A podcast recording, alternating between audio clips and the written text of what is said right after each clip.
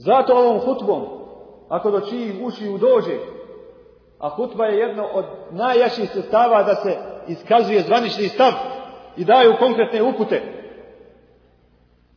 koje ne dolaze iz torbe, nego dolaze iz Božje vjere. Stoga je manjak u svakom narodu i na svakom mjestu gdje hutba nema tu ulogu. Jedino gdje danas takva hutba živi je nažalost u Iranu.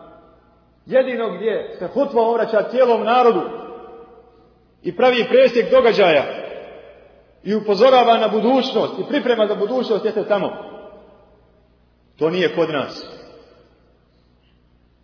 Niti na drugim mjestima.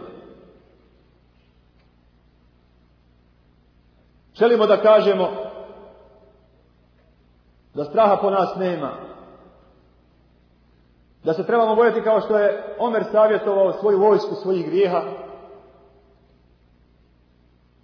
a, a neprijatelju Allah Želešanu spletke pletu.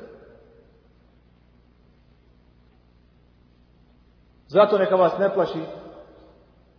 Allah Želešanu je opisao monatike kao takve.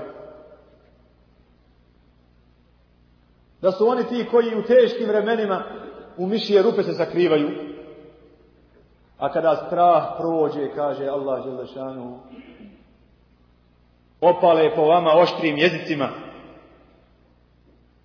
ne podnoseći istinu i dobro. Gdje god ima dobra, uzmu sebi za najvažniji posao da se na njega okome. I mi čujemo da čak i taj bijedni, beznadežni narod, vjerovatno ne stavlja narod Srebrenice traži da se isele odavde kako bi se oni vratili. Žele nam je samo da porazgovaramo i upitamo da li će se zaista oni vratiti ako mi izađemo. To ti je to naše vjekovno sanjanje i umišljanje.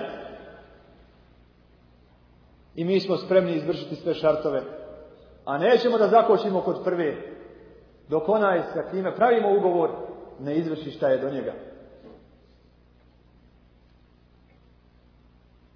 Kako se ponašati i kako se postaviti i gdje je izlaz? Na nama je da se puno ne uzrujavamo, a da Allaha mu molimo za najbolji izlaz i da budemo hladne glave